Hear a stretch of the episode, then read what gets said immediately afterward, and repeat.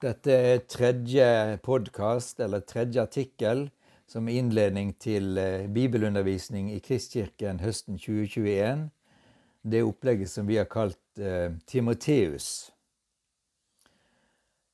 Og her vil vi fortsette med å bli kjent med Timoteus og det Paulus eh, forteller om ham, eller skriver til ham.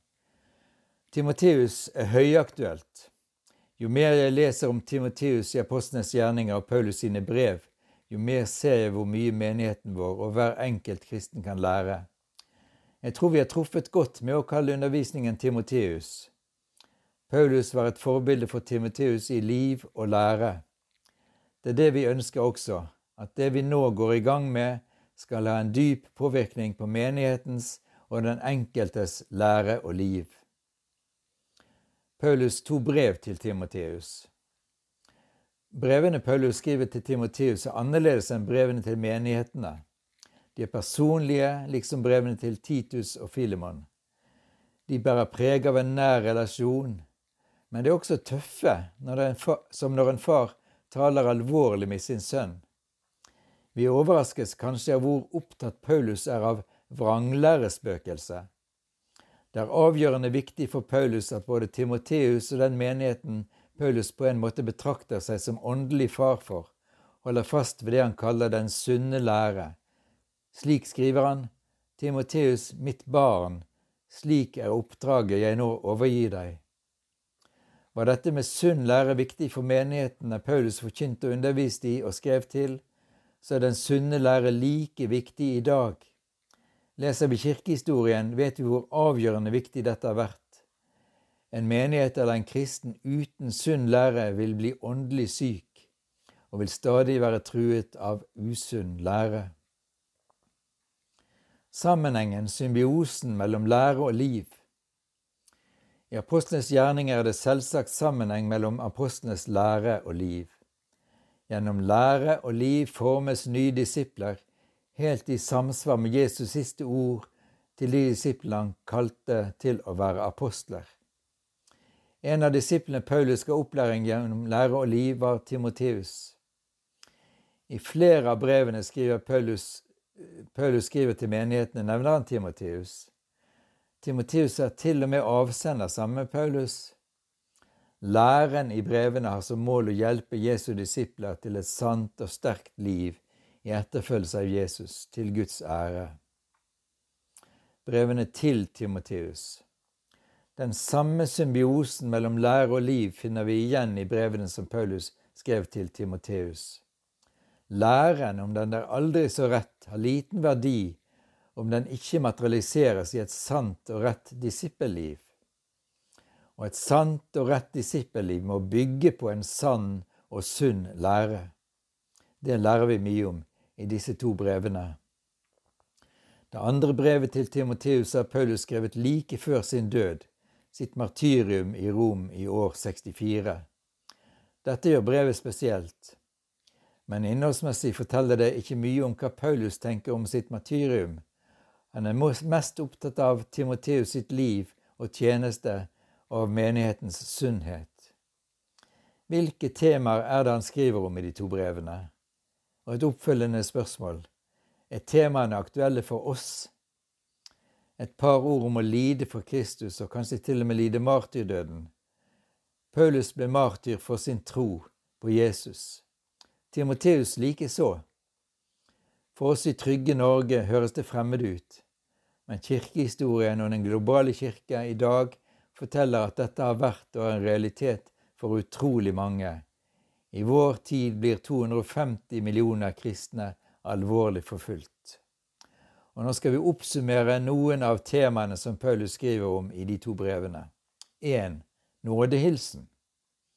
Nåde, barmhjertighet og fred fra Gud, vår Far og Herren Jesus Kristus, vår Herre, innleder han begge brevene med. Det er mer enn en frase, det er et oppriktig ønske. Han avslutter også brevene på lignende måte. Nåden være med dere. Nåde, barmhjertighet og fred fra Gud, det er dype sannheter. Jeg ser for meg Timoteus lese innledningen og stanse opp for hvert ord. tenke på de bibelske beretningene om Guds nåde, barmhjertighet og fred. Tenke på Adam og Eva, Noah, Abraham, Jakob og Israel, Moses, David, Jesaja. Og når brevene er lest, tenke på nåden igjen, for seg selv og menigheten. Tenke på freden fra en barmhjertig Gud.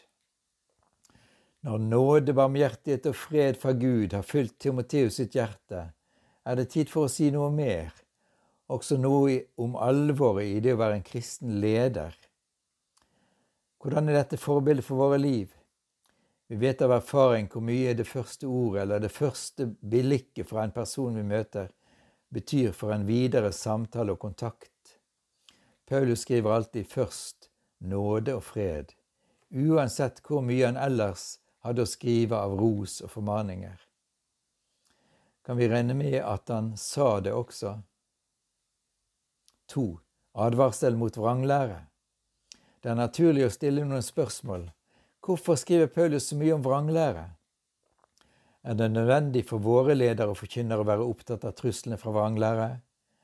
Er det viktig for hver enkelt kristen å prøve, å lære, og forkynnelse?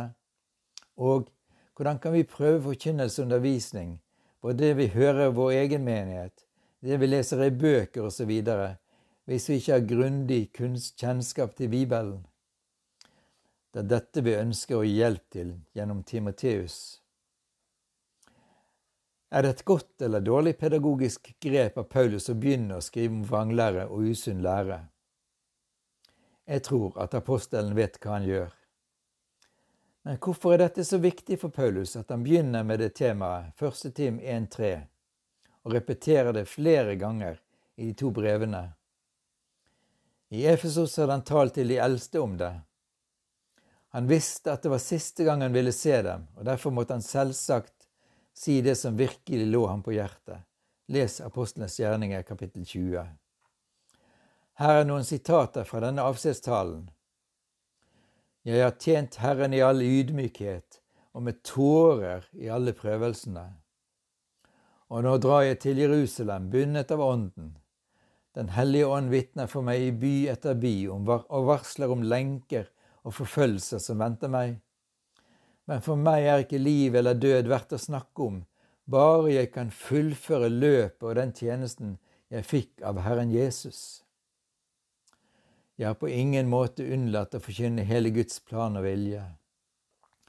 Ta vare på dere selv og på hele den flokken som Den hellige ånd har satt dere til å være tilsynsmenn for. Vær hyrder for Guds menighet som, vant, som han vant seg ved sitt eget blod. For jeg vet at når jeg har dratt bort, vil glupske ulver trenge inn blant dere, og de skåner ikke flokken. Ja, blant deres egne skal det stå fram menn som farer med falsk lære for å få dratt disiplene med seg. Våg derfor. Og nå overgir jeg dere til Gud og Hans nådeord. Flere ganger i de to brevene til den unge mannen han har undervist gjennom lære og liv, advarer Paulus mot vranglæren.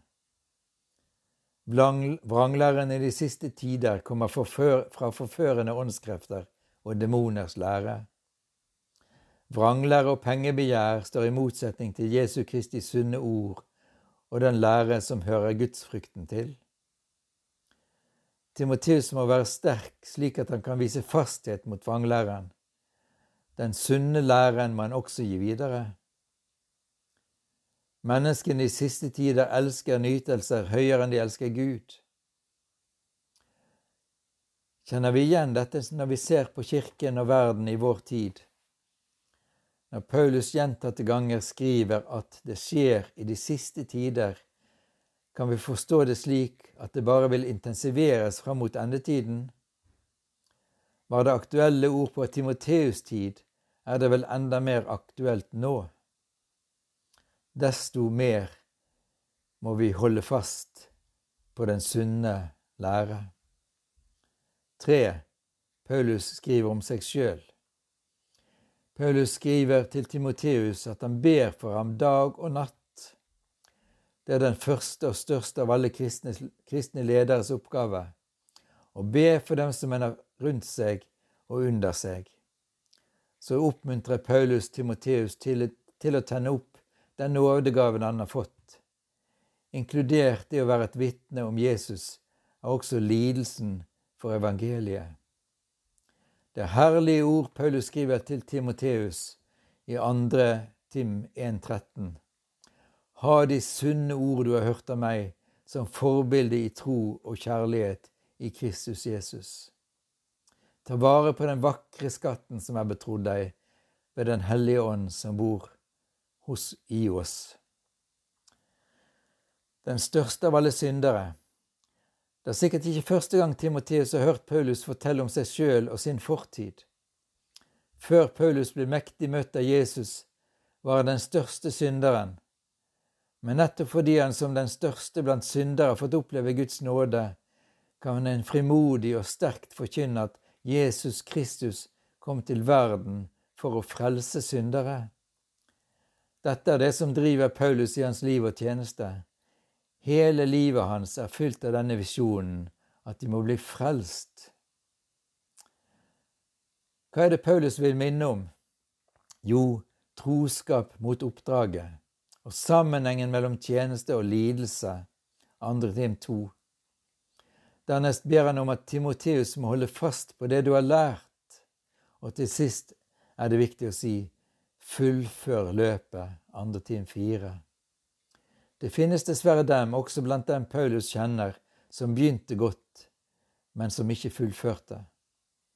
Det må, være, det må ha vært vondt å registrere for Paulus, på samme måte som vi kjenner en ubeskrivelig sorg når noen faller på, fra troen på Jesus. Paulus ser sin død og sitt martyrium komme. Men det er ingen nederlagsstemning. Når han har fullført løpet, mottar han seierskransen, det som på gresk heter Stefanon, eller latin Stefanus. Punkt fire om det Paulus skriver, forskrifter for gudstjenesten. Paulus nevner noen ting som hører til en rett og god gudstjeneste. Det er fremfor alt bønn og påkallelse av Jesu navn. Forbønn og takk for alle mennesker. For Gud har et mål gjennom sin menighet, og det er at alle mennesker skal bli frelst og lære sannheten å kjenne. Dernest er selvsagt lesing fra Skriften og undervisning viktig, da det er særlig av skriftlesingen, formaningen og undervisningen. Gi akt på deg selv og læren, skriver Paulus til Timoteus. Punkt 5. Menighetens ledere og ansvaret for menigheten. De som skal være ledere i menigheten, må prøves. Både menn og kvinner må lære hvordan det skal ferdes i Guds hus, altså menigheten. Paulus underviser om forskjellen på menns og kvinners tjeneste.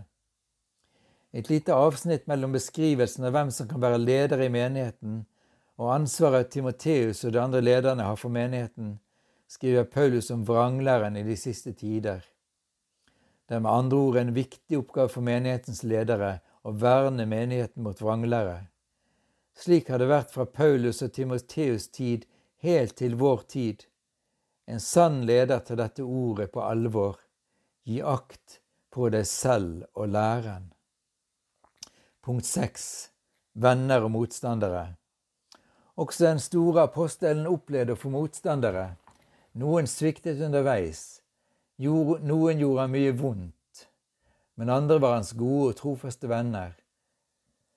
Slik var det for ham, og slik vil det være for oss. Men mest av alt fokuserer han mot slutten av sitt liv på de gode vennskapene.